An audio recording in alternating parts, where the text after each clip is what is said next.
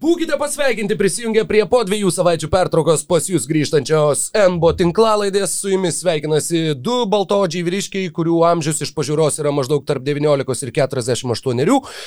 Lietuviškųjų krepšinio tinklalaidžių pasaulio Jeffas Fosteris ir Trojus Murphy, Rokas Grajauskas ir Mykolas Jankaitis. Gerą dieną, rytą ar vakarą visiems, kad ir kada bebūtumėte prisijungę prie šio NBO epizodo. Šiandieną kalbėsime apie uh, trumpai apžvelgsime lietuvių lietuvių pasirodymus vasaros lygoje ir tuo pačiu pakalbėsime apie netgi, kaip gera tą sakyti, tris lietuviškas komandas NBA lygoje, ką jums pavyko nuveikti šio tarp sezono metu, kaip atrodys jų pokyčiai, kaip atrodys jų rotacija, kaip atrodys jų žaidimo stilius ir visus kitus dalykus, kuriuos galima bent jau numanyti ar numatyti, žvelgiant į būtent jų tarp sezono atliktus ėjimus ir judesius. Uh, tad sveikas gyvas Mykolai, gera ir vėl būti Kaune, gera ir vėl uh, važiuoti iš Vilniaus ir šį sįkį uh, lietus nelyjo, tad... Bus turbūt, blogas podcastas. Jo, bus vienas blogiausių turbūt, uh, atsižvelgiant į kontrastą su tuo tikrai geriausiu visų laikų epizodu, be jokios abejonės.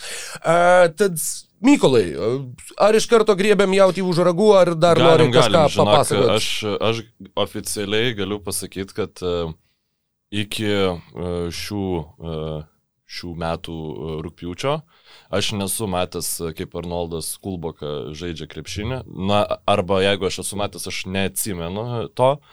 Ir aš esu visiškai mm, ar, arba vienas pirmųjų, arba vienas paskutiniųjų, nežinau kokia yra situacija, bet aš esu tam hype traukinį, kurio, kurio garvežį traukia Arnoldas Kulboka. Aš Vasaros lygoj jisai, mano nuomonė, buvo akivaizdžiai šiuo metu geriausias e, krepšininkas tos komandos ir aš jaučiau, kad tai jautė ir tą komandą treniravęs treneris, nes buvo po nu, eilės gerų rungtynių vienose klubo, kad tiesiog nežaidė ir tai dažnai būna, e, kai toksai, na, man viskas yra su tavimi aišku, šitą leidžiam kitiem pasireikšti, aikštai tiesiog, e, na, tai yra labai gerai savo krepšinio suvokimą, e, intelektą, nu, tas e, e, savybės, kurias mes lietuviai įsivaizduojam, kad visi lietuvių krepšininkai turi, bet iš tikrųjų tikrai labai matėsi, na ypač tam vasaros lygos balagane, jisai tikrai uh, sugebėdavo priimti gerus sprendimus. Aš jeigu galėčiau būtent čia ir įsiterpti, e,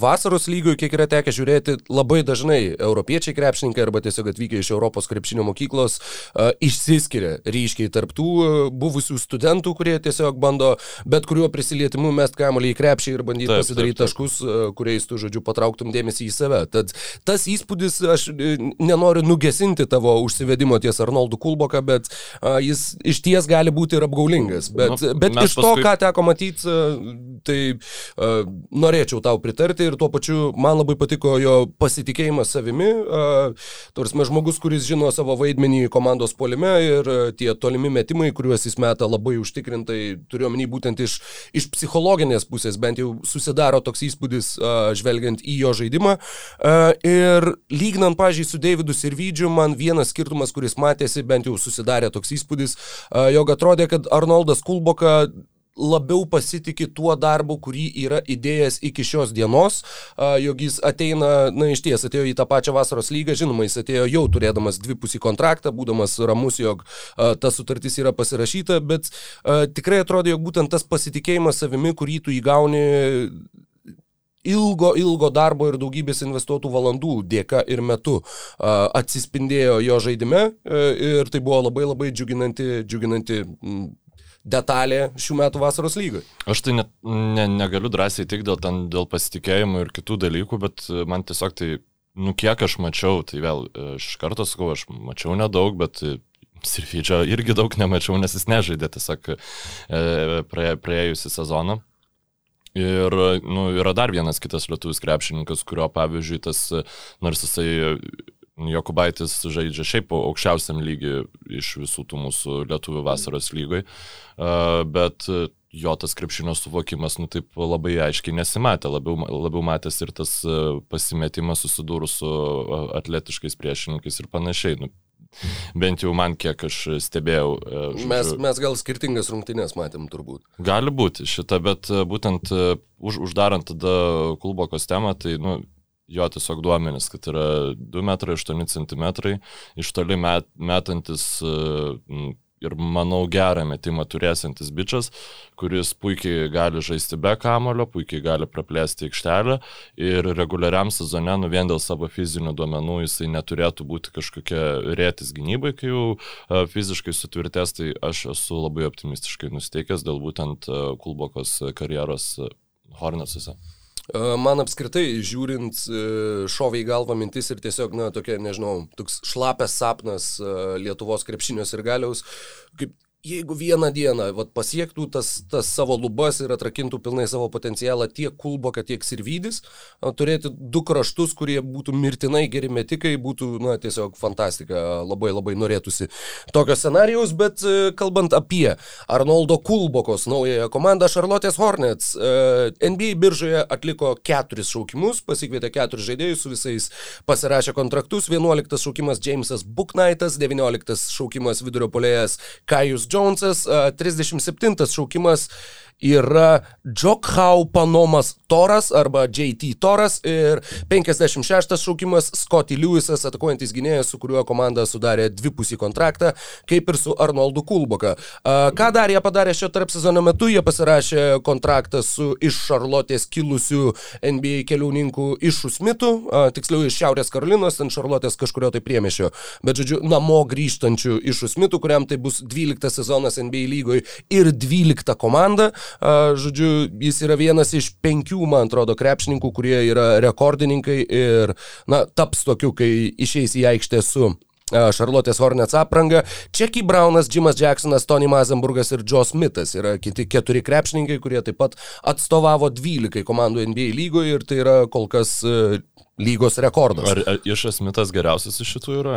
Džo Smithas buvo vienu metu, na, jis buvo pirmas šaukimas. Nu jo, dėl žmogus, jo Timberwolves, Timberwolves taip, savo franšizę. Taip, ke, keturi naujokų biržos šaukimai, kurių neteko uh, Timberwolves.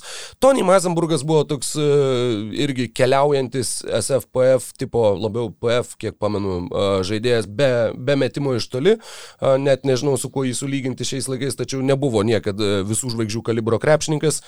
Jimas Jacksonas buvo geras bičias, jie ten labai susirovė Dalase, kai jų buvo labai talentingas branduolys su jaunu Jasonu Kidu, Jimu Jacksonu ir nepasakysiu trečią žaidėją, bet jie galiausiai net susipyko, nes mhm. visi trys susitikinėjo su to pačia moterim. Na, žodžiu, mm. jis irgi pasižymėjęs, bet a, nesakyčiau, kad iš esmės yra ryškiai aš, geriausias tarp šitų, tiesiog, tarp šitų žaidėjų. Ne, nesu taip išprūsęs ties tais krepšininkais kaip tu, bet šiaip vienas dalykas, na čia gal per daug apie iš esmės negu buvo planuota, bet apie tuos keliauninkus krepšininkus, tie dažniausiai po 7-8 komandos, jie, jeigu jie nėra nu, solidus krepšininkai, jie išsi, iškeliauja iš vis iš lygos. Tai jau 12 komandų pakeis 12 metų žaidžiant, tai čia yra, yra, yra visai, visai rimtas reikalas. Ir aš manau, įdomu, ar bent vienos komandos fanai apie iš Asmitą pasakytų kažką blogo, nes visada, nu, visada atiduoda visą savo dušą. Ir... Jis e, labai greitas, e, jo, kibus, ir va, e, būtent prasiveržimu, neturi labai gero metimo iš toli, bet jisai tas žaidėjas, kuris Šarlotėje irgi, mano manimu, labai tiks. Apžvelkim dar likusią sudėtį iš Mišas Smithas pasirašė 4,5 milijono vertės kontraktą, antras sezonas taip pat yra, yra komandos opcija. Taip pat atvyko Kelly Ubre, 2 metų 26 milijonų vertės sutartis.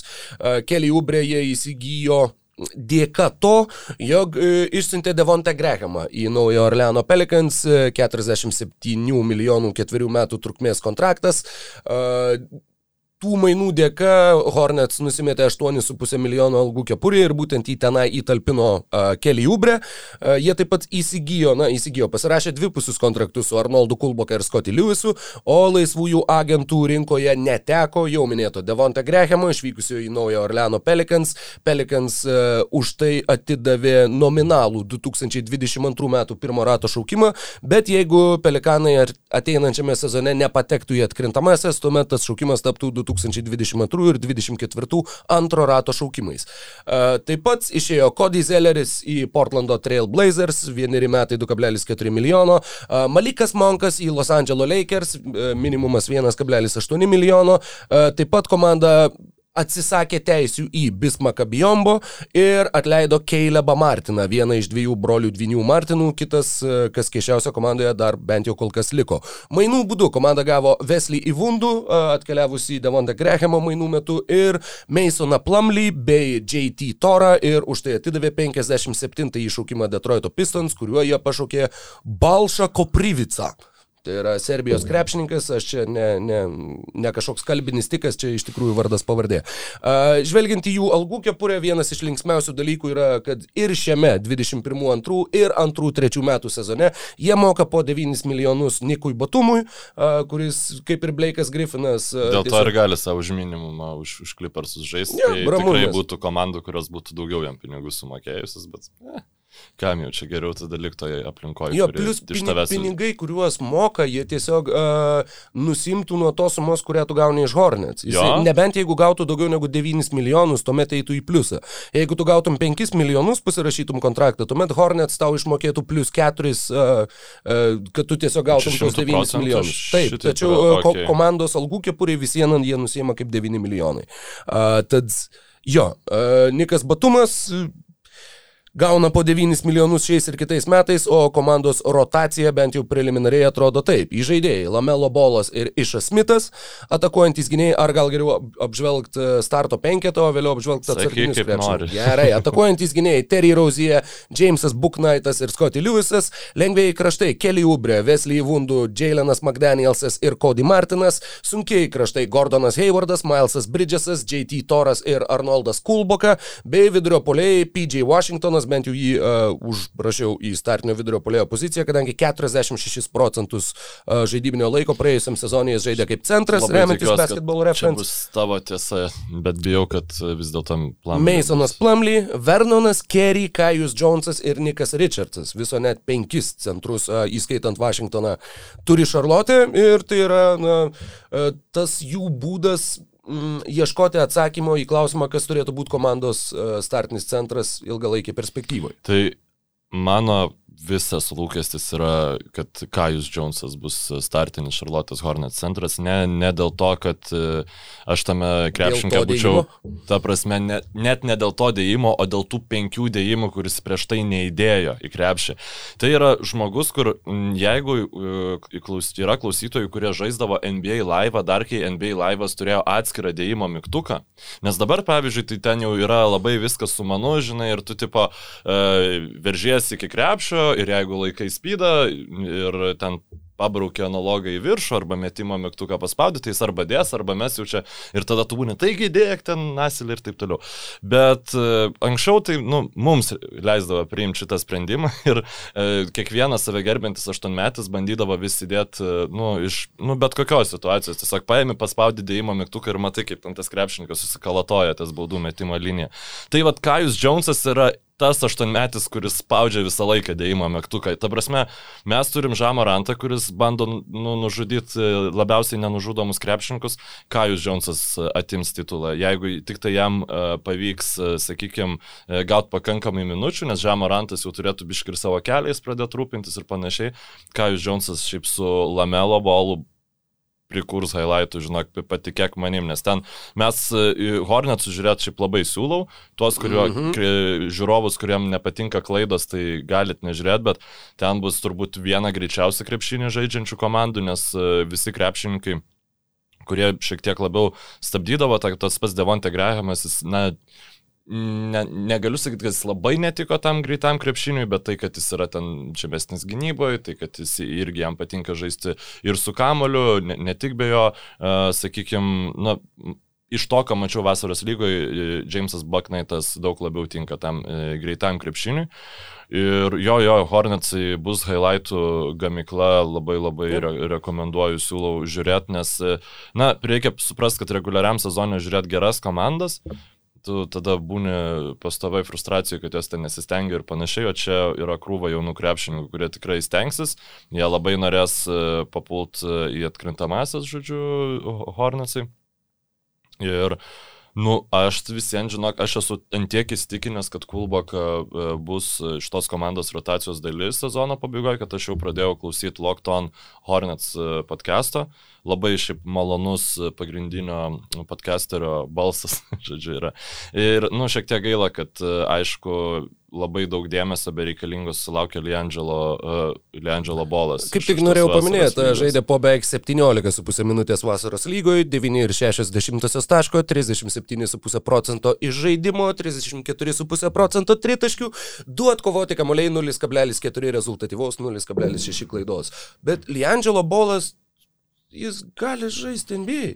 Jis turi labai labai ribotą vaidmenį, bet tiesiog kaip metikas, būtent tas žmogus, kurio, iš kurio tu nieko daugiau absoliučiai neprašai. Tik tai, kad tu pataikytum savo, savo metimus, kuriuos tau sukuria komanda, mhm. jis, jis gali tam būti. Ir jis tikrai na, buvo pakankamai malonus atradimas man šitoj vasaros lygoje. Ir, na, truputį gal, sakykime, yra tų abejonių visada, kur, na, netgi kai, kai buvo paskelbta, kad jisai žais už Hornets, iš karto atrodė, kad, a, mm, rimtai, o, wow. Bet jis parodė, kad jisai tikrai gali žaisti, pataikė tą įspūdingą metimą su sirena iš super aukštoji trajektorijai pagauto kamulio a, ir, ir jisai gali, manau, kad galbūt per galygą, tačiau galbūt ir prasimušti į Šarlotę sudėtį, e, kuri šiuo metu šiaip jau yra pilnai užpildyta ir su tais dviem dvipusiais kontraktais. Tad nebent, jeigu, tarkim, Kulboka arba Liujisas sulauks garantuoto pasiūlymo, prieš tai komanda dar atleis kažkurį iš dabar uh, vietas užimančių krepšininkų, tuomet Liangelo galbūt gali irgi pretenduoti į tą dvipusį kontraktą. Uh, dar baigiant tą mintį apie centrus, e, ėjimas su Meisonu Plumley, na, sakykime, kaip, kaip iš pradžių į jį žiūrėjai ir kaip į jį galima žiūrėti dabar jau pamačius irgi viską, ką, ką daugiau padarė komanda, tu turi vien, vienam sezonui žaidėją, kuris tiesiog va, tau pabus tuo brandžiu centru ir kai tau reikės, sakykime, labiau patyrusio krepšio saugotojo, tu galėsi leisti į aikštę Meisoną Plumley, tačiau jie turi uh, ir Vernoną Kerry, ir Nika Richardsą, kuriuos pernai pasišūkė antram naujokų biržos rate ir Kajų Jonesą, kurį e, pasišūkė šiais metais 19 šaukimų, tad Kapčiakas, e, komandos generalinis vadybininkas, tiesiog bando, na, tikisi, kad vienas iš tų jaunų centrų kažkuris tai iššaus ir tuo pačiu tada vėliau galėsi atsisveikinti su Plamly ir jau turėsi tą ateities centrą savo sudėtį. Nu, bando... kas, kas juos apsaugojo nuo permokėjimo kokiam nors Jaretui Allanui arba kažkam stengiantis pateikti kuo finansiškai patrauklesnį pasiūlymą ir tokiu būdu suvaržant savo finansinius pajėgumus ateityje. Jo, aišku, šiaip Jaretas Allenas, nu, labai tiktų prieš tos komandos, bet jeigu jau kepsai tiesiog nieko neprovokuojami, jam davė 100 milijonų kontraktą, tai, nu... Negali tikrai, žinoti, galbūt ir provokuojami. Galbūt ir provokuojami, bet tai yra per daug pinigų, nu, ta prasme, už... už tai, už teorinį potencialą Jareto Alleno sumokėt, nu, jam duot penkis metus e, po 20 milijonų, tai, nu, aš jau sakiau praeitoj tinklalaidai, kad nu, mano plus, nuomonė tai yra labai labai per daug. Ir jie, vad sakau, tas, tas pats Kajus Džonsas, na gerai, dabar jis yra, sakykime, labiau toksai, nu, prikolas negu krepšininkas, bet nu, mes žinom, kaip su tais atletiškais monstrais kartais įvyksta. Gali būti, kad bus dar vienas Jacksonas Heisas, bet gali būti, kad, nu, jis pats sakė, aš labai noriu žaisti kaip Janis. Aš labai noriu žaisti kaip wow, Janis, okay. nu ir jis yra atletiškumo tam tikrais aspektais, tai gal jis net ir daugiau tos prokstamos jėgos jis, turi. Jis lab, man asmeniškai iš to, ką mačiau, tai priminė Deandre Jordaną, tik jo, tai dar jo. su minimaliu uh, gebėjimu žaisti nugarą į krepšį. Tie judesiai tokie labai nenušlifuoti, matosi, kad tas kablys toks kampuotas labai, bet, bet jis juos turi, ko nu, dabar, Jordanas faktiškai beveik ir neturėjo. Dabar mes lygai vis daugiau matom, žinai, kaip ir beveik nebėra krepšininkų, kurie nemestų tiesiog iš trijų taškų zonos. Nu, nu, aš nekalbu apie gerus blogus pataikymus, bet vis vien visi daugiau mažiau metą. Lygiai taip pat, nu, dauguma aukšto ūgio ateinančių, jie bent kažkokius minimalius kamulio valdymo įgūdžius turi, ypač jeigu mes lygintumėm su, nežinau, dešimt kokių metų atgal, tai tikrai, nu, kiekvienas aukšto ūgis, jisai bando pridėti šitą žaidimo e, dalį prie, prie savo arsenalo, nes supranta iškart, kiek jo vertė tada pakyla, kad jisai tampa žymiai universalesnis, daug daugiau komandų gali jį pasiimti ir, ir tai būtent draftuose tavo vietą gali kur kas aukščiau pakelti. Tai, tie, tokia Kajus Džonsas labai, man yra visiškai modernaus e, krepšinio produkto rezultatas. Vernonas Kerry praėjusiam galygos sezone rinko po 16.9,5 kamulio, Nikas Richardsas rinko po 17 taškų ir daugiau negu 10 atkovotų kamolių, tad ir tie uh, jaunieji centrai talentai tobulėja Šarlotės bendroje visoje organizacijoje. Pernai Hornets beje žaidė 18 aukščiausių tempų visoje lygoje, kas truputėlį nustebino pamačius, kad tai buvo žemesnis negu vidutinis realiai žaidimo tempas. Okay, gal ir nebus greičiausiai. Jie, jie buvo šešta komanda, dažniausiai klystanti lygos komanda, ką ir minėjai apie e, įspėdamas tuos, kam nepatinka klaidos. Daug čia išsirašiau tų dalykų. 14 buvo pagal tritaškių taiklumą, 7 mažiausiai baudų metusi komanda ir varžovam leisdavo atkovoti po daugiau negu 10,5 kamulio po savo krepšių ir tai buvo ketvirtas aukščiausias skaičius lygui. Tad Plumly labai labai nežymiai, šiaip jau paėmus tiesiog karjeros vidurkius ir palyginus Masoną Plumley ir Cody Zellerį, tai yra stebėtinai panašus krepšininkai, bet jis minimaliai bent jau geriau kovoja dėl atšokusių kamolių, tad tą problemą jie galbūt bent jau kažkiek tai apsprendė, o šiaip jaunų žaidėjų tobulėjimas, žinoma, yra tas, tas niuansas, kuris lems Šarlotės rezultatus šitam sezone, tuo pačiu Gordono Haywardo sveikata, tačiau Kelly Ubre pasiemimas tuo pačiu yra kaip ir šioks toks draudimo polisas būtent kažkokiai Haywardo traumai.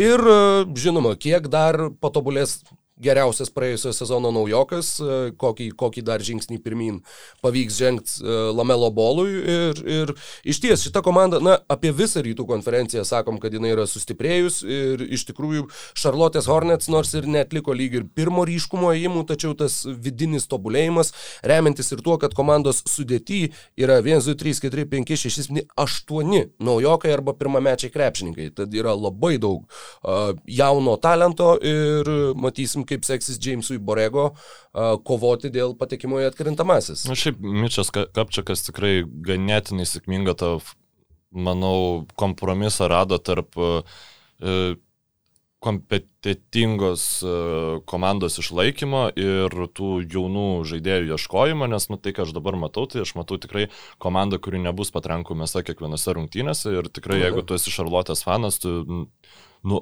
aš manau, kad tai yra labiausiai exciting, šar, šar, e, labiausiai džiuginanti, intriguojanti Šarlotės komanda nuo uh, Alonso Morningo. Nu, realiai, galbūt net, nu, okei, okay, pirmas sezonas nuo grįžimo, kai jie vėl grįžo Šarlotę, tai ten buvo e, viskas labai intriguoja, nu, jie intrigavo dėl, dėl savo tų dalykų. Viena, man atrodo, atkrintamųjų serija, kai Kemba Walkeris su Elu Jeffersonu ir Jeremy Linu buvo svarbiausi komandos krepšininkai, tai jo, dabartinė sudėtis, man atrodo, daug. Jo, daug, bet įsivaizduok, uh, jeigu, sakykime, šita komanda papultų į, į playoffus, tai tu tikrai galėtum savai tikinti, kad, o, taigi čia, nu, dangus yra ribos, nes visi visi šitie krepšininkai yra intriguojantis ir e, jauni ir tikrai tai yra, kas fanam patinka.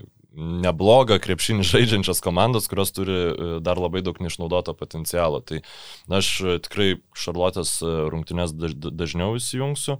Ir šiaip... Ubre ir Bridgesas ir Lamelo bolo užmetinėjimai. Taip, taip, ir Kai, Kai Jonesas. Ir čia, Kai čia Jonesas. bus. Mm Ir beje, Jamesas Buknaitas labai neblogai atrodė. Kiek, kiek įsijungiau pažiūrėti Kulbokos, tiek vis galvoju, kad e, Jamesas Buknaitas jo, jo, yra, man yra geras tas pasakymas, kad čia bus e, šio, šių, šių draftų Mitčelas, nu toksai realiai privertė biškai kitaip jį pažiūrėti, bet... Ne, nes tikrai atrodo labai irgi gerai susigaudantis aikštėje, nedarantis nesąmonių ir uh, vasaros lygui man uh, palieka įspūdį pakankamai dažnai gynėjai, kurie kažkokiu tai įspūdingu bloku pasižymi, kurie tiesiog, mhm. nu, vat, matai, kad jie taip gerai skaito žaidimą, kad jie tiesiog, nu, vat, kai ten tas atrodytų irgi toks pats jaunas krepšininkas bando kažką atlikti ir kai tiesiog uh, lyg, lyg tu viską matai dviem įmais į priekį ir uh, na, Buknaitas turėjo tokių epizodų ir tai taip pat, na, atskleidė uh, jo žaidimo skaitimo bent jau potencialą jo, ir tuo pačiu dabartinį žaidimo skaitimas gynybai labai, labai išsiskiria tas pats, ten, pavyzdžiui, Scotty Barnesas, kuris ten polime visiškai atrodo kaip nešlifuotas šlifuotas e, e, rastas darantis dalykus, bet gynybai irgi turi tą e, skaitimo dviem žingsniais į priekį vasaros lygos kontraste e, momentą. Ar dar kažką norėtum? Daug, daug jau išnekėjom apie, apie daug apie Hornesus išnekėjom. Galim, galim keliauti toliau. Manau, kad galim keliauti toliau, trumpam atskvėpkim, tiesiog ką valgiai pusryčiams. Lembas sumuštinį, nieko originalaus. Lembas sumuštinį, nu va matai. Naujojo Orleano Pelicans yra kitas taškas mūsų NBA žemėlapyje, tai naujoji, žinoma, Jono Valančiūno komanda, kuri šių metų naujokų biržoje 17 šaukimų pašaukė Trey Murphy, nepainioti su Trojumi Murphy, e, ir 51 šaukimą Brandoną Bostoną išsiuntė į Los Angeles Clippers. Laisvųjų agentų rinkoje naujojo Orleano Pelicans pratęsė kontraktą su Billy Hernangomesu, būtent Billy tarėsi jo vardą vardas, e, jis šiaip Giljermo, bet jį senelis vadindavo Billy ir todėl Billy, mm, jada, jada, jada. E, taip pat pasirašė ilgalaikį kontraktą su Didi Luzada, ketverių metų sutartis. E, skelbiama, jog kaip ir artėja prie susitarimo su Aš... Joshu Hartu, 3 metai 38 milijonai, tačiau bent jau vakar dar oficialiai patvirtinta ta informacija nebuvo, mm, tačiau kai yra jau skelbiama ir suma. Jo, jo, ir... šimtų, čia tikrai bus, bus, bus jisai. Turėtų, liks, turėtų. Nebent kažkas atsitiks. Ir tuo pačiu manau, kad labai labai svarbus e, ėjimai, jeigu taip galima pasakyti, laisvųjų agentų rinkoje. Naujas vyriausias treneris Willy Greenas ir du jo asistentai, tai Maikas D'Antoni ir Jaredas Collinsas, kuris pastarosius du sezonus buvo atsakingas už Golden State Warriors gynybą, tad uh, vyriausias treneris be patirties tose pareigose, tačiau du tikrai labai aukšto lygio asistentai, kuriuos pavyko nuskinti pelikanams, mano manimu labai sveikintinas įimas. Laisvųjų agentų rinkoje jie neteko Lonzo Bolo, tačiau atliko galiausiai pasirašyk ir išmainyk ėjimą ir už tai gavo Geratą Templą bei Tomašą Satoranskį. Su Templu taip pat prasitėsi sutartį, 3 metai 15,5 milijono, trečias sezonas negarantuotas ir taip pat gavo Devonte Greg Beckhamą bei Joną Valančiūną, išsiųsdami iš komandos Eriką Bledsoe, Steveną Adamsą, Wesley Vundų, 10 šaukimą Zairą Williamsą ir 40 šaukimą Jaredą Butlerį, bei tą jau minėtą šaukimą į, į Šarlotę už Devontę Grehamą ir tuo pačiu dar ir šaukimą Memphijui. Uh, Ir labai įdomu, kad jie galiausiai sutvarkė tuos mainus kaip trijų komandų sandoriai, kas jiems leido gauti 17 milijonų dydžio mainų išimtį. Tai yra Steveno Adamso kontrakto suma, kurią per metus jie galės panaudoti prisimdami iki 17 milijonų į savo algų kepurę ir mainais neturėdami išsiųsti nieko atgal.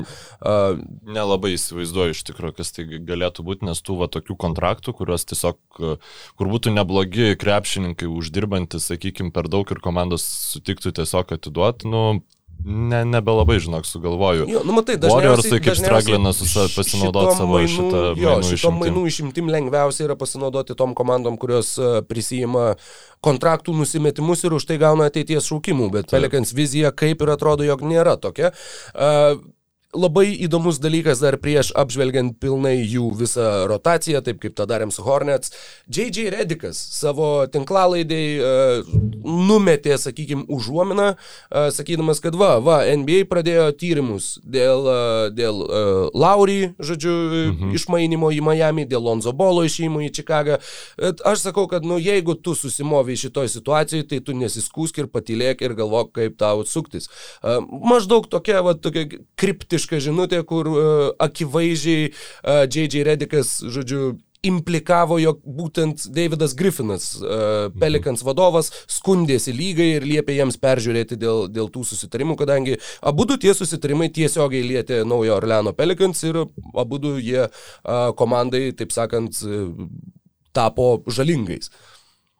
Jo, tai aš net nelabai ne, ne gal man tas iš viso temperingas, na, kai jau baigėsi reguliarus sezonas, e, ten atkrintamosios, na, žiauriai jokinga tas atrodo, kad va čia dabar nuo ta, tam tikros dienos tik tai jūs galėsit pradėti kalbėtis. Nu, tiesiog e, aš manau, kad lyga turėtų šiek tiek, e, nežinau, skaidresnių žvilgsnių pažiūrėti visą šitą situaciją. Jo, nes tas, tai, na, ta taisyklė yra, kad ne va tu negali dėrėti su žaidėju, kol neatsidarys laisvųjų agentų rinka. Ir tada vos atsidaro laisvųjų agentų rinka, pirmą minutę Lonzo Bolas pasirašo sutartį su Čikagos Bulls. Uh, tad, tai Nežinau, yra... Na, galima, sakyk... pavyzdžiui, nu, yra krūvą, ta prasme, organizacijų, kurios turi, nes aš suprantu, dėl ko tai daroma. Yra dėl to, kad būtų labai aiškiai atskirti etapai, e, in, nežinau, kurie suintriguoja, pritraukia tam, tam tikrais dalykais. Kai yra NBA draftai, kad visi galvotų apie NBA draftus, kai yra playoffai, kad visi apie playoffus galvotų. Ir jau tada jau viskas, viskas baigęs, prasideda, žinai, laisvųjų agentų rinka ir tada tos naujienos viena po kitos eina, tai irgi sugeneruoja labai didelis rautai ir lygiai atneša daug pinigų ten. Visiems lygos transliuotojams, kurie irgi e, daro atskirus coverages šitam. Bet tai yra pilna organizacijų, kurios nu, sugeba šitus dalykus valdyti, e, nu, nuslėpdamas, tai tu leisk tartis, bet jeigu išlenda žinia anksčiau laiko apie tai, tai tu gauni nubaudą ir, ir, ir viskas, žinai, nu, ta prasme. Bet teoriškai tą žinią gali paleisti, na, vat, kažkas, kas, kas pasipiktino ir, sakykime, irgi girdėjo vieną ausim, kad tos darybos vyko. Bet čia tai man iš vis labai keista, jisai, e, e, jie, nu, ta prasme, koks piktinimas dėl Lonzo Bolo, jie galėjo jį pasilikti. Taip, bet čia... tu įsivaizdavai, kad tu gausi Kailą Laurį, bet tai... kai Kailas Laurį išėjo į Miami, tada tu likai prie suskilusios geldos, tada tu ne... sakai NBA lygai, kad štai mes turim įrodymų, čia... kad čia viskas vyko nelegaliai. Mm, Griffinas turbūt būdamas už Cavaliers, būdamas už Cavaliers, būdamas Cavaliers GM priprato, kad e, realiai visi laisvi krepšininkai pirmiausia norės žaisti pasižinai, nes pas jį Lebronas yra ir dabar jam nesuvo, nesuvokiama, kaip čia būtų, būtumėm žinoję, tai būtų mm, Kailas Laurio tikrai atėjęs. Būtent taip, ne, bet atrodo, kad būtų, būtumėm mes žinoję, kad Lauriai pas mus neateis, tai mes gal būtumėm tą Lonzo pasilikę. Nes čia toks Kur, nu, tai, akivaizdus situacijos neskaitimas yra, yra, yra Dalaso Mavericks, kur Kailas Lauri, kurie irgi aš žinojau, kad Dalaso Mavericks domisi Kailu Lauri, tai blemba, nu tikrai tu irgi žinojai. Kad aš žinojau, kad Miami Heat domisi Kailu Lauri, tai kaip tu gali galvoti, kad blemba tavo nefunkcionuojanti komanda bus patrauklesnė negu dvi žiauriai e, aukšto. Jie pasiūlė, jie pasiūlė, man atrodo, daugiau pinigų. Negu, negu Miami's. Tai čia nu, bet nežymiai, ta prasme, tai... Kalas Lauri gavo žiauriai daug pinigų šiaip iš Miami.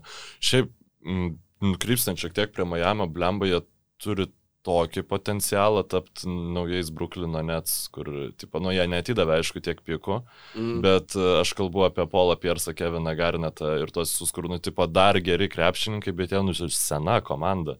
Bet Ten... ne tiek, ne tiek. Jau kai išsiuntė Piersą, Garnetą ir Terry į Brukliną, jie buvo daug senesni negu kad dabar yra Butleris ir Lauriai, pavyzdžiui.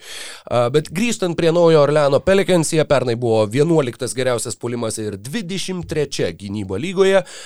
Šiais šiais metais Jie paleido Lonzo Bolą, kuris buvo vienas geriau besiginančių komandos krepšininkų, paleido Steven Adamsą, paleido Eriką Blecau, bet jų rotacija irgi einam, na, sakykime, galbūt penketukais, galbūt tai bus paprasčiau. Preliminariai starto penkete galbūt žais Devonte Grehamas, Joshas Hartas, Brandonas Ingramas, Zajonas Williamsonas ir Jonas Valančiūnas. Antrą penketuką sudarytų Kira Lewisas, Nikilas Aleksanderis Walkeris, uh, Nadži Marshallas, Herbertas Jonesas, tai yra jų šių metų antro rato šaukimas, pasirašęs antrą didžiausią visų laikų kontraktą kaip uh, antro rato šaukimas, 5,4 milijono 3 metai.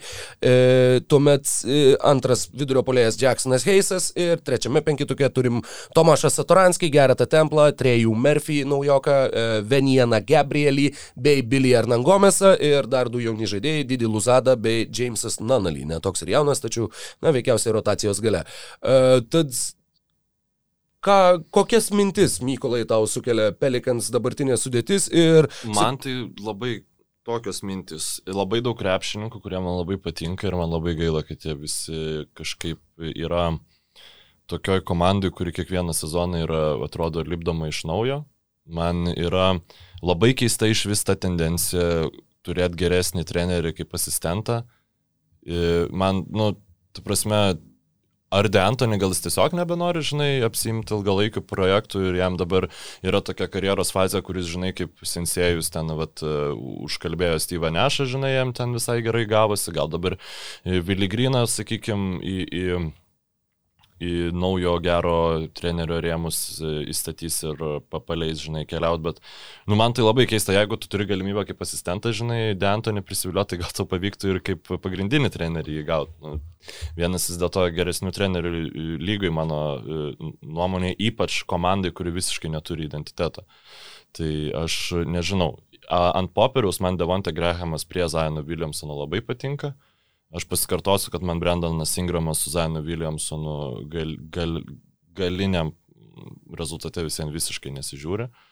Ir nu, jie dabar yra įstrigę, nes jam iškeis Brandoną Ingramą, sunku patikėti, kad kas nors duotų kažką, nu, sakykime, tokio, kad, va, nu, va čia, žinai, Bet matai, plus, jie turi uh, Lakersų ateities šaukimus, uh, jie dar kažkiek tai tikrai turi ir savo šaukimų ir aplink Brandoną Ingramą teoriškai Jeigu, nežinau, Damienas Lillardas ir Bradley Bylas yra tie žaidėjai, kurie yra minimi kaip tie, kurie galbūt pareikalaus mainų, teoriškai galbūt ir įmanoma sukonstruoti, na, sakykime, mainų pasiūlymą aplink Brandoną Ingramą ir kažkokius tuos šaukimus, bet tai yra tas nu, pats, jo, bet... kas, kas vaikytis Kailo Laurį ir Kriso Polo. Tai... Lemba, kiek bylui metų?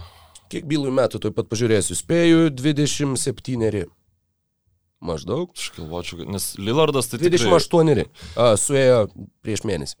Nublemba, šiaip, vat, Bradley bylą pabandyti gauti, sakykime, atiduodant Ingramą ir uh, nes jis tai toks mėgsta, geba, be, moka be kamulio judėti, žinai, prie Zajono būtų, nu, žiauriai gerai. Bet aišku, ten tada visi kiti dalykai, ten tas pats Jonas Valančiūnas, žinai, su Zajonu, nu, reguliariam sezonė viskas ok, bet jeigu mes žiūrime į galutinį paveikslą, tai vėl, nu, ne, ne, nėra ta, tas krepšininkas, kuris puikiai tinka prie Zajono Williamsono. Su Zajonu, man atrodo, visiems reiktų bandyti nu, vad, sakykime, Hornet su tuos visus e, sparnus, žinai, ten Bridžas, Ubrė, Haywardą pasiimdžinai ir, ir besikeičiančią gynybą kažkokią bandyti išlaužti, bet kažkaip kuo toliau, tuo labiau Pelikans uh, slysta nuo to. Ir e, man sakau, man labai, visiškai neaišku, kaip šita komanda atrodys. Žinok, aš, aš labai tikiuosi, kad vienas iš dviejų tikrai išaus, e, tai e, vienas iš Kira Liuiso ir Nikilo Aleksandrio Walkerio. Nu, du, du jauni tikrai perspektyvų žaidėjai, pastarasis kurio vardą pavardę, kol ištari pražilt galima, bet e, Aleksandris Walkeris e, per paskutinės aštuonias praeito sezono rungtynės rinko po 17 taškų. Tad irgi, kai jau pelikanai nusprendė, kad, eh, tai tada, tada bičias biški išlindo. Uh,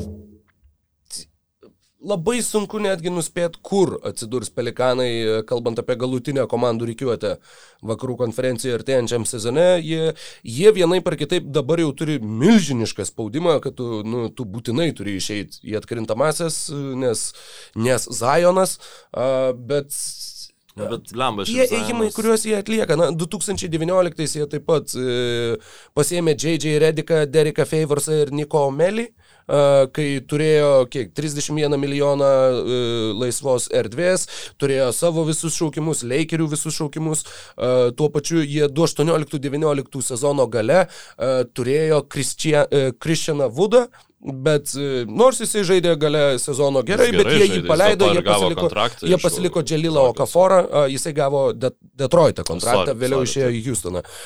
Vėliau na, buvo ir Holiday mainai, ir Rediko mainai, bet na, labai sunku išspausti, sakykime, labai ryškiai, ką komanda gavo iš to, kažkuo tai iliustruoti būtent tų mainų atneštą naudą. Bet, sakau, galbūt mūsų laukia dar vieni mainai, galbūt ta, toj komandai išaus kažkas iš jaunimo, bet šiaip tai yra, na, sudėtinga situacija, nepaisant to, kad tu turi vieną talentingiausių šios kartos krepšininkų. Ir aš manau, kad tas vienas talentingiausių šios kartos krepšininkų, jūs labai nesigėdydamas paprašys mainų.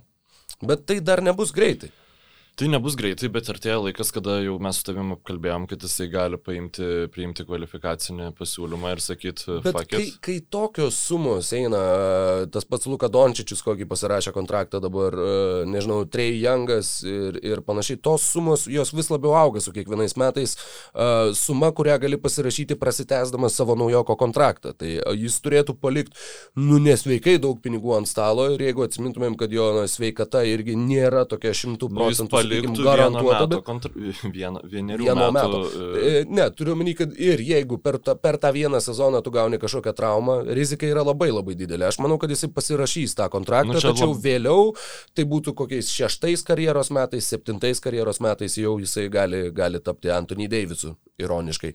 Mano spėjimas būtų, kad vis dėlto anksčiau, nes e, viskas, nu, Aš nežinau, galbūt e, ta komanda susilibdys aplink jį, bet pernai mes jau matėm, kad tai yra ne, ne tik tai, žinai, kaip čia pasakyti, lūkestis ir gandas, kad tai yra krepšininkas, kuris tikrai e, turi neįlinį talentą, kuris išsitransliuoja NBA lygoje. Ir, na, galbūt pavyks toliau tą visą Point Zion revoliuciją, nes vėl dabar jau mes visiškai, nusakykime, ir tokio tikrojo žaidėjo jau nebeturės šitą komandą, tai Zainui Williamsonui bus atiduotas dar, dar daugiau vadžių įduota į rankas. Tai galbūt tai ir gali būti ir kaip palaima, ir kaip prakeiksmas Pelikansam, nes Zajonas gali taip užsirekomenduoti, kad jam netgi, žinai, vėl Kevino Duranto atvejais, kad aš galiu gauti traumą ir, nu, man vis vien duos labai daug pinigų. Mm. Nu, ten, jeigu Dončičius, žinai, būtų gavęs traumą ateinančiam sezonui, jis vis vien būtų, jam visos NBA lygos komandos būtų e, organizavusios, kad tik galėtų sumokėti, žinai, tos 200 milijonų ar kiek. Tai, nu, žiūrėsim, kaip bus, bet aš labai kažkaip negaliu būti optimistiškas ir man atrodo, kad jo Jonas į tokią dis, disfunkcinę komandą papuolė, kokia buvo ir Memphis Grizzlies, kai jis atėjo ir paskui tapo viskas ten labai gerai. Jis pakeitė savo, savo klubo valdybą ir dabar tikrai dirba labai simpatiškai, Pelikans. Duok dievė jiems sėkmės. Manau, kad galim keliauti turbūt jo, ir, užtenka. ir prie trečiosios lietuviškos komandos. Mykolai, ką, ką, ką valgyti pusryčiams? Ne, tai apie Indianos Pacers. Stebėtinai, net, net, net nestebėtinai mažai judesio vasarą, nes, sakykime, tai irgi komandai cementavus ten, kur yra.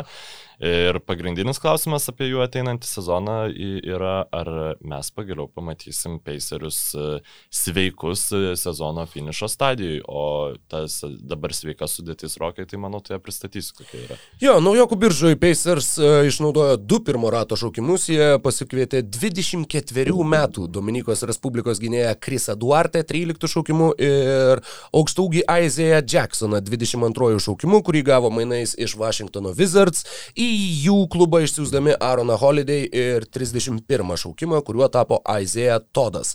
Uh, laisvųjų agentų rinkoje jie prasitėse kontraktą su Timothy Johnu McConnellu jaunesniuoju, ketveri metai 35 milijonai TG McConnellui, hashtag McConnellas MLDC.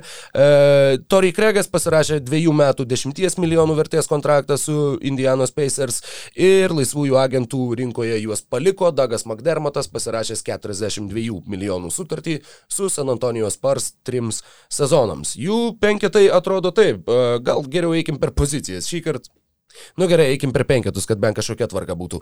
Starto penketukas - Malcolmas Brogdonas, Kerisas Levertas, TJ Warrenas, Domantas Sabonis, Malsas Turneris. Nuo suolo penketas - TJ McConnellas, Krisas Duarte, Justinas Holiday, Aušiai, Brisetas ir Goga Bitadze. Bei trečias penketas - Edmondas Sumneris, Jeremy Lambas, Kylanas Martinas, Tori Kregas ir Isaiah Jacksonas.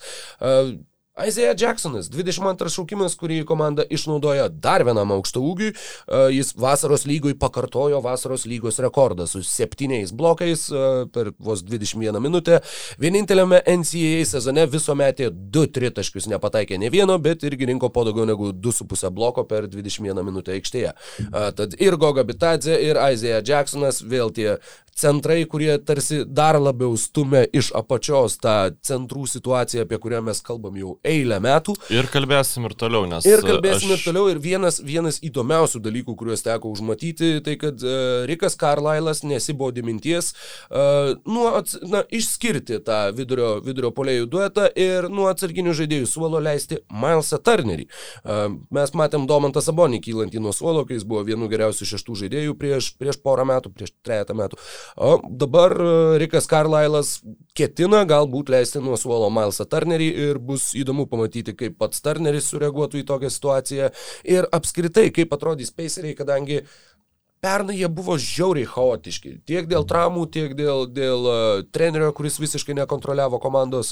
Uh, Ir pernai buvo žiauriai nuvilintis sezonas. Jie pirmą kartą nuo 2015 nešėjo į atkrintamasis ir tuo pačiu visas tas chaosas aikštėje irgi uh, ryškiai atsispindėjo. Uh, po sezono. Kevinas Pritchardas, jų klubo prezidentas, pareiškė, kad komandai trūko lyderystės ir vietos žiniasklaida išvelgia čia, na, sakykime, šūvį e, ar akmenį į daržą ne tik e, atleistam Neitui Bjorgrenui, bet ir Malcolmui Brogdonui, kadangi Brogdonas buvo varomoji jėga uh, Macmillono atleidimo procese, būtent Brogdonas žiauriai norėjo kito trenerio ir atėjus kitam treneriui jisai ir toliau netapo tuo super atsakingu ir visai komandai vadovaujančiu krepšiu krepšininku, kokiu jisai save pristatė, kai atvyko į Pacers iš Milvokio? Na, nežinau, viskas tik į gerą. Rikas Karlailas yra vienas geriausių lygos trenerių ir, jam pavyko jį gauti. Nu, galbūt metus pradėlėse su nelabai pavykusiu eksperimentu, bet mano spėjimas šiam ateinančiu sezonui tai, kad tikrai e, pabandys žaisti ir su Turneriu, ir su Saboniu kartu, ir pabandys ir atskirai. Ir nu, bent jau kiek aš atsimenu, Meveriksus, Karlailo treniruojamus, jeigu jis mato, kad tam tikri dalykai neveikia, tai ilgai atskinamasi nebus. Ir šansai, kad arba Sabonis, arba Turneris bus iškeisti šį sezoną yra šiauriai didelė. Nes rytų konferencija yra, vis, vis, beveik visos komandos yra laimėk dabar režime. Bus tikrai ką veikti prieš didžiąją daugumą komandų ir jo, mes, mes galim pamatyti mainus ir aš nebeapsisprendžiau, kuris aukšta ūgis yra realesnis iškeitimui.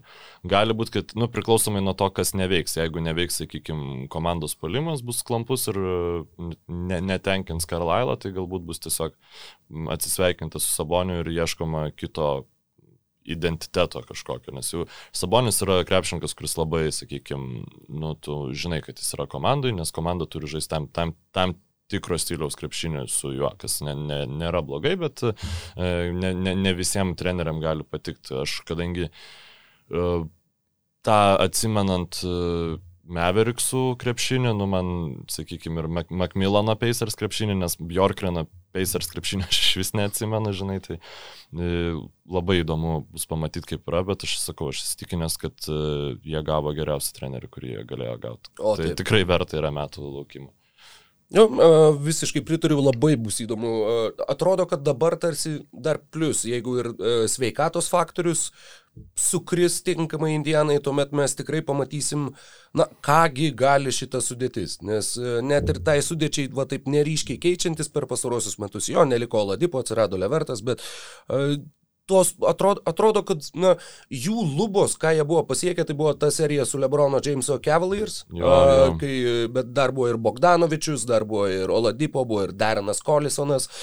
Turneris ir Sabonis yra faktiškai vos ne vieninteliai žmonės, kurie ir liko iš tos komandos. Ir visiems ta komanda labai panaši. Atrodo. Jo, ir visiems ta komanda atrodo ta, pa, ta pačia komanda, bet uh, jo, labai labai norisi pamatyti vat, tą sezoną, kai Indiana galės įsivertinti pilnai tą, ką turi, e, įvertinti visus pliusus ir minusus ir atlikti korekcijas, kurios bus e, vienokios ar kitokios. Tačiau mainų manau, kad tikrai šita komanda sulauks. Ir jo, nežinau, jeigu reikėtų spėti, kurį iškeis, aš irgi nežinočiau nuoširdžiai. Čia tiesiog mesti monetą, kadangi priklausomai ir nuo to, kokius pasiūlymus jie gautų iš kitų komandų, jeigu teoriškai bandytų iškeisti arba Sabonį, arba Malsą Turnerį. Plus, kai tu turi ir Goga Bitadzę, ir Isaiah Jacksoną, taip pat na, Goga Bitadzė, nu, jo, Man tai jaunas. Jie, bet... jie abu tie krepšininkai yra tokie, kad maždaug jeigu vis bando, žinai, kažką pašaukti naujokų biržai, kad jeigu jau išmainytumėm, kad vat, turėtumėm krepšininką, kuris pakeistų, bet kiek aš ten Goga Bitadze mačiau, tai vis man dar kol kas netrodo, žinai, kaip tas krepšininkas, galbūt tai Zėja Jacksonas bus. Galbūt.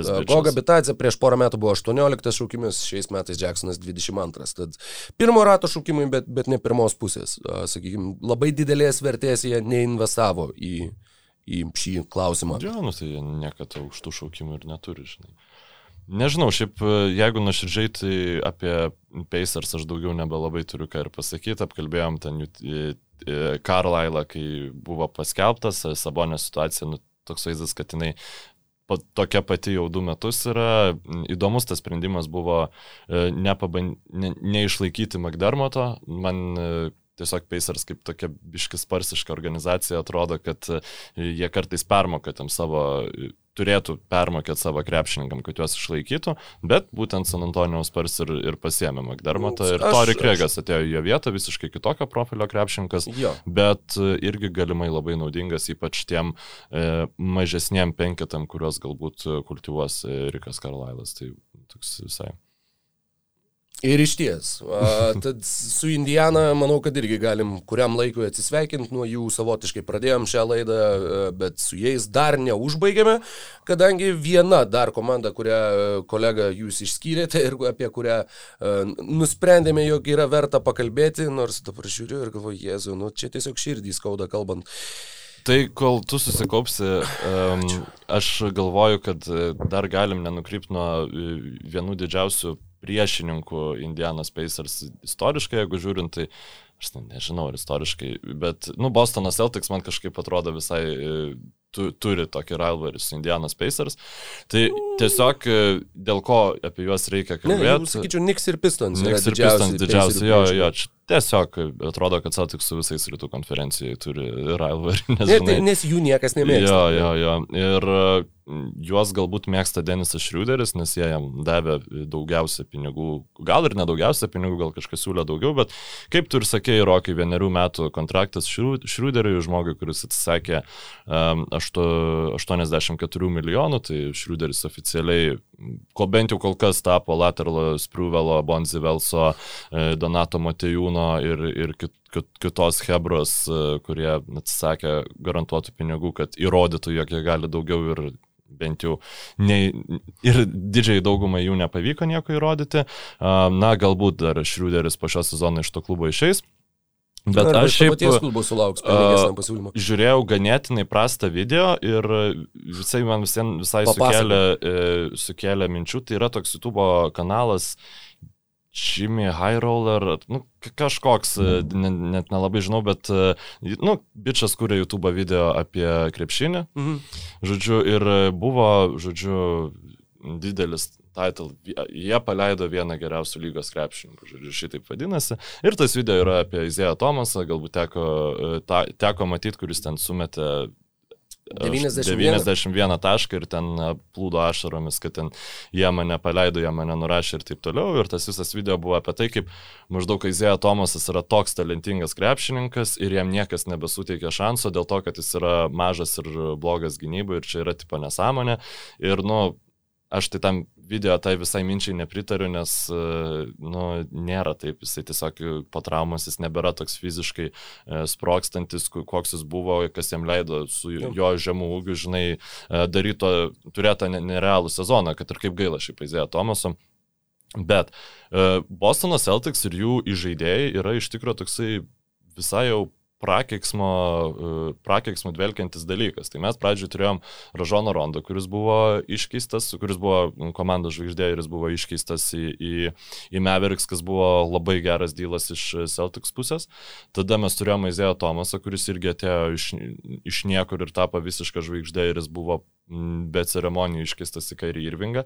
Kairį Irvingą turėjom Bostone, kuris atrodė, kad yra, na, va tas e, trūkstama detalė, kuri e, iškels Bostoną iki aukštumų. Nu, ir, pavyzdžiui, net dabar įsivaizduojant, pavyzdžiui, ne, ne kaip asmenybė, bet kaip e, grinai jo talentą šalia Teitumo ir Brauno ir viso kito, tai, tai atrodo visiškai favoritai būtų rytų konferencijos, nu, jeigu Irvingo nebūtų Bruklinė, ne.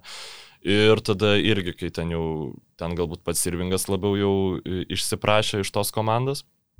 Tada mes turėjom Kemba Walkerį, kuris irgi protarpis atrodė nu, kaip visiškai superinis žaidėjas tai komandai, aplink kurį uh, Toronto Raptors visą savo gynybą statė, taip pat kaip uh, sezoną prieš tai statė prieš Karį.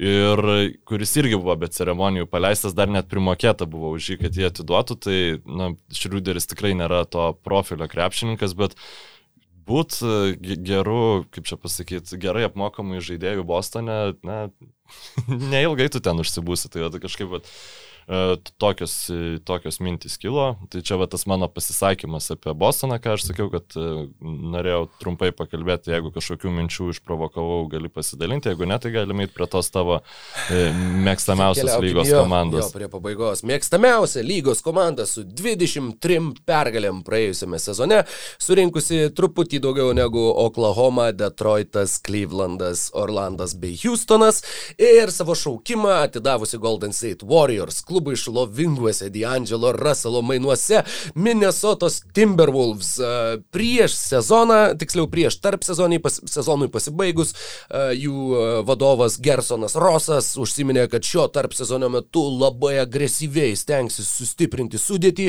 ir Minnesotos Timberwolves pasirašė dvipusį kontraktą su Knightu. E, tuo pačiu, nu, jie, jie atliko porą mainų, jie išsiuntė Jaretą Kalverį, šeštą, šeštą 2019 metų biržos šaukimą, kur Timberwolvesai dar atliko mainus su Phoenixu, atidavė 12 šaukimą ir Darijo Šaričių. 12 šaukimų tapo Cameronas Johnsonas, tai du žaidėjai, kurie buvo svarbus žygyje iki finalo. Juos atidavė už tai, kad galėtų, kaip jie įsivaizdavo, pasikviesti Dariusą Garlandą, bet Dariusą Garlandą penktų šaukimų pasišaukė Clevelandas ir Minnesota pasirinko Jaretą Kalverį, kurį Garsonas Rosas labai gyrė, koks bus puikus žaidėjas ir štai Jaretas Kalveris su savo 50 procentų karjeros baudų taiklumu gynėjas keliauja į Memphį, nes, Šiaip, kal... nes Memphis paleido Justisą Winslow, tai jiems reikia kito tokio prikėlimo projekto savo, savo sudėtyje. Šiaip Džereto Kalverio ta visa istorija, tai man priminė, kai mano pirmus, pirmas savaitės Kinijoje, kai aš gyvenau ir būdavo maždaug, okei, okay, aš žinau vieną patiekalą, kurio aš noriu, e, tu nueini ir tipo, ten pasakai, žinai, ten tą, tą patiekalą ir tau sako. Gali pasakyti? oi, nežinau, sanladzy ten, nu, ten, tipo, saldžiarūkštė vištiena, pavyzdžiui, ar ne? Ir, nu, bet ne tai, nu, ten aš dabar jau nebeatsimenu, ko, ko, ko aš ten norėdavau, bet, nu, tipo, tu, sako, va ten yra skanu tas, žinai, ir tu ateini, sakai, aš noriu to, ir sako, mes to neturim, ir tu tada matai krūvą, tipo, hieroglifų, tu visiškai esi nepasiruošęs ir tau reikia ASAP priimti, žinai, sprendimą ir tu duri pirštu ir tu tada valgai, e, tipo, ir tu ištrauki vištos pirštas su nagu, žinai, ir galvoji, gal aš geriau paliksiu nevalgęs. Tai, tai vad kalveris buvo tas, ja, tas hieroglifas. Pi, piršta, pi, pirš, vištas pirštas su nagu, žinai, kur, kurio ja, vis dėlto. Ja, Na, bent, jau nepra, bent jau nepasijėmė, žinai, kalverio, nepaklausė. Taip, ar pasisodino jo glemas. Pažadi mm. geriau mėtyti iš tolių. Jo, jo, pažadu. Tai gerai, va, imk 20 milijonų. Ma, Max kontraktą, jo, kaip su Andrew Wigginsu. Bent jau šito nebuvo. Jo, bent jau to nedarė. Jaretas Kalveris dabar yra Memphio problema. Uh, taip pat jie išsiuntė ir Juan Sančio Hernangomesą ir tuo pačiu dar kiek anksčiau a, išsiuntė Ricky Rubio į Clevelandą už Torianą Princą ir ateities antro rato šaukimą. A, dabar, kai jie atliko mainus ir gavo Patriką Beverly, šitie mainai atrodo tokie pateisinamesni, kad tu išsiuntė Ricky Rubio, nes Beverly kaip ir, kaip ir atrodo, jog visai tiktų šitai komandai, greta D'Angelo Russello, įžaidėjas, kuriam nereikia kamulio, kuris labai gerai, na, labai agresyviai ginasi, galbūt reikėtų patikslinti būtent taip.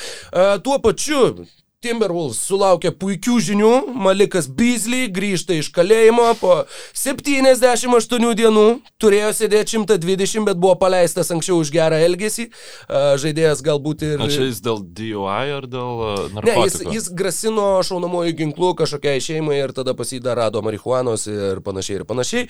Galbūt už gerą elgesį ir Timberwolvesai paleis anksčiau iš, iš savo komandos. Jų sudėtis dabar Aha, atrodo... Norėtų. Dabar atrodo taip preliminarus starto penketas, kurį irgi dėliodamas e, vos nenusilaužė galos, a, jie ten gal priimtų. Vizlį yra trečias geriausiai apmokamas tas komandos krepšininkas, kur Taip, ir, kontraktai dar, dar tris metus jis pinigų gaus. Tai. Jo. Uh, Patrikas Beverly, D'Angelo Russellas, Anthony Edwardsas ir Jaydanas McDanielsas greta Karl Anthony Townso, antras penketukas Jordanas McLaughlininas, jis vis dar turi negarantuotą sutartį, Malikas Beasley, Torianas Princas, Jaredas Vanderbiltas ir Nazas Rydas taip pat turi negarantuotą sutartį, bet faktas, kad Timberwolves jį išlaikys. Taip pat komandoje yra Joshas Okogi, Jake'as Leimanas, Nathanas Knightas, dvipusis kontraktas bei negarantuotą sutartį turintis Jalenas Nauelas. Na, Kaip e, rašė Kenis Hupus e, forume Timberwolves ir gali kitam sezone Timberwolvesai turės 17 milijonų laisvos erdvės algų kepurė. Jeigu jie ras kam iš, išsiųsti Malika Beasley, jie turės e, maksimalaus kontrakto, žodžiu, laisvą erdvę savo algų kepurė ir mes nežinom, ar tai yra gerai, ar tai yra baisu. Ir iš tikrųjų su Timberwolves, sakykime, visa, visa istorija, visa reputacija nuo 2004 metų žaidė vieną kartą kartą atkrintamosiose ir gavo 1-4 nuo Jameso Hardeno. Šiais metais, na, Žinai, kai tu buvai viena blogiausių komandų lygoje ir galiausiai tavo visas e, bandymas, sakykime, parduoti savo tarp sezonį yra, kad we will run it back, tai na, vilčių tai nelabai daug įkvepia. Jo, šiaip de, de, depresyvokas iš vis šį podcastą, šiandien apie pusę podcast'o apie tokias beviltiniškas komandas kalbam, bet, nu, čia yra enbas, mes ne, ne tik apie gražius dalykus, reikia, reikia ir apie Timberwolves pakalbėti. Šiaip Minnesotas Timberwolves turbūt e, Jeigu tau reiktų įvardinti komandą, kuri ateinantį sezoną nežaistų ir tu nepastebėtum visą sezoną, kad jinai nežaidžia, tai Minnesotas Timberwolves yra ta komanda. Jo, Čia a. yra tipo, kur yra Bet visiškai ši- apie Šitas tinka nieką. jau daugybę metų. Tai, nu, Jo, jo, jo, nu ta prasme, galėtų Nu, jos arba tiesiog... Sacramento Kings. Irgi, Jo, galbūt. jo, čia yra labai, bet blemba, nu man visiems, aš... Nors jo, šiaip Sacramento Kings irgi, nu, bet jie, suprant, jie, jie yra dar, dar net blogesni, nu, ta prasme, kad tu vis prisimeni, kad jie nepašaukė Dončičius, pavyzdžiui, nu, kiek, kiek, per kiekvienas e, Dončičius Nu, jo, jo, e, ne- MVP kalibro rungtynės tu prisimeni, kad e, Kings ne, ne, nepašaukė Dončičius, o Timberwolves tu tiesiog neprisimeni. Ir e, man, nu, labai gaila Karl Anthony Tamso, bet galbūt pagaliau tai bus metai, kuomet jis kažką padarys įdomaus e, su šita komanda. Nežinau. Šiaip e, dar su tavim kalbėjom, kad e, vakarų konferencija um, galimai reguliariam sezone bent jau bus silpnesnė negu rytai. Pasikraus nuo rytų. Ma manau, kad taip. A, kaip tu ir minėjai prieš keletą minučių, rytuose beveik visi yra laimėk dabar režime, o vakarų konferencijoje mes turime ir Houstoną, kuris tikrai niekur neskuba, taip susirinko talentingų naujokų, Alperenas Šengiūnas yra žvėris a, ir žinoma Jailenas Grinas. A, ir, bet ta komanda, sakykime, jinai, jinai nesieks laimėti šiame sezone čempionų žiedų. E, yra Oklahoma Thunder, yra Sacramento Kings, yra Minnesota Timberwolves, yra tos komandos, kurios, na, Yra Portland Trail Blazers, kurie Spurs. irgi e, run it backina po nelabai sėkmingo sezono. Tai... Jie nelabai turi pasirinkimų, jo, jie pakeitė trenerį ir, ir tikisi, kad tas kažką pakeis. Bet Jo. jo, tuo pačiu ir San Antonijos Spurs e, yra, yra apžvalgininkų, kurie sako, jog Spurs gali būti blogiausia komanda kitais metais. E, Žinoma, Oklahoma ir Orlandas, manau, čia turi tai nemanau, savų kad- argumentų, bet... e, Kad Derauzanas, De- Derauzano praradimas jam tiek daug. Ir. Va, Patty Ir. Rudigiai. Nu, sakykime. Aš, aš, aš kažkaip e, tikėčiaus labai panašaus sezono iš San Antonijos ateinant, ateinantį sezoną. Um, jo, ir tada mes dar turim Clippers. Šiaip reik, Clippers į savo komandą pasiemė Erika Bledsoe. Tai yra labiau tuo, tuo, tuo mainų e, būdu, aš dabar jau nebeatsimenu, ką jie, jie išsiuntė Beverly ir... Beverly ir Ir, ir, ir nu, tu, tu priminsi, bet esmė ta, kad jie e, atlikdami šios mainus sutaupė 25 milijonus. e, Se, e, a, ir Ražono Rondo. prabangos mokesčių. Taip. Ražon, tai Ražonas Ir Rondo Danielį irgi, Oturų. ir, irgi nėra tikimasi, kad Ražonas Rondo žais Memphis Grizzlies, e, bus Tikrai arba, arba paleistas, arba, arba išmainytas kažkur. Bet, žodžiu, panašu, kad Clippers taip kaip ir nurašo ateinantį sezoną. Na, iš esmės, jeigu Kavai stebuklingai pasveiktų, tai ten aš nesakyčiau, kad vienas neproduktyvus krepšininkas yra e, blogiau negu vienas neproduktyvus krepšininkas plus vienas krepšininkas, kuris kartais būna produktyvus. Ten, e, tai galbūt kažką sugebėtų ir su to Eriko, Eriku Blecu padaryti, plus, nu, galės pasižiūrėti, gal, galbūt jis e, e, žaisdamas už Clippers prisimins savo jaunas dienas ir prad- pradės žaisti gerą Ja, Kriso Polo dubleris. Tai ir šiaip. Aš visiškai ne, manęs neintriguoja vakarų konferencija ateinantį sezoną. Nu, vat kuo, kuo daugiau šneku, tuo suprantu, kad, na, įdomu, aišku, kaip ten e, šitam e, Zionui seksis, bet tiesiog jis yra blogoji komandai.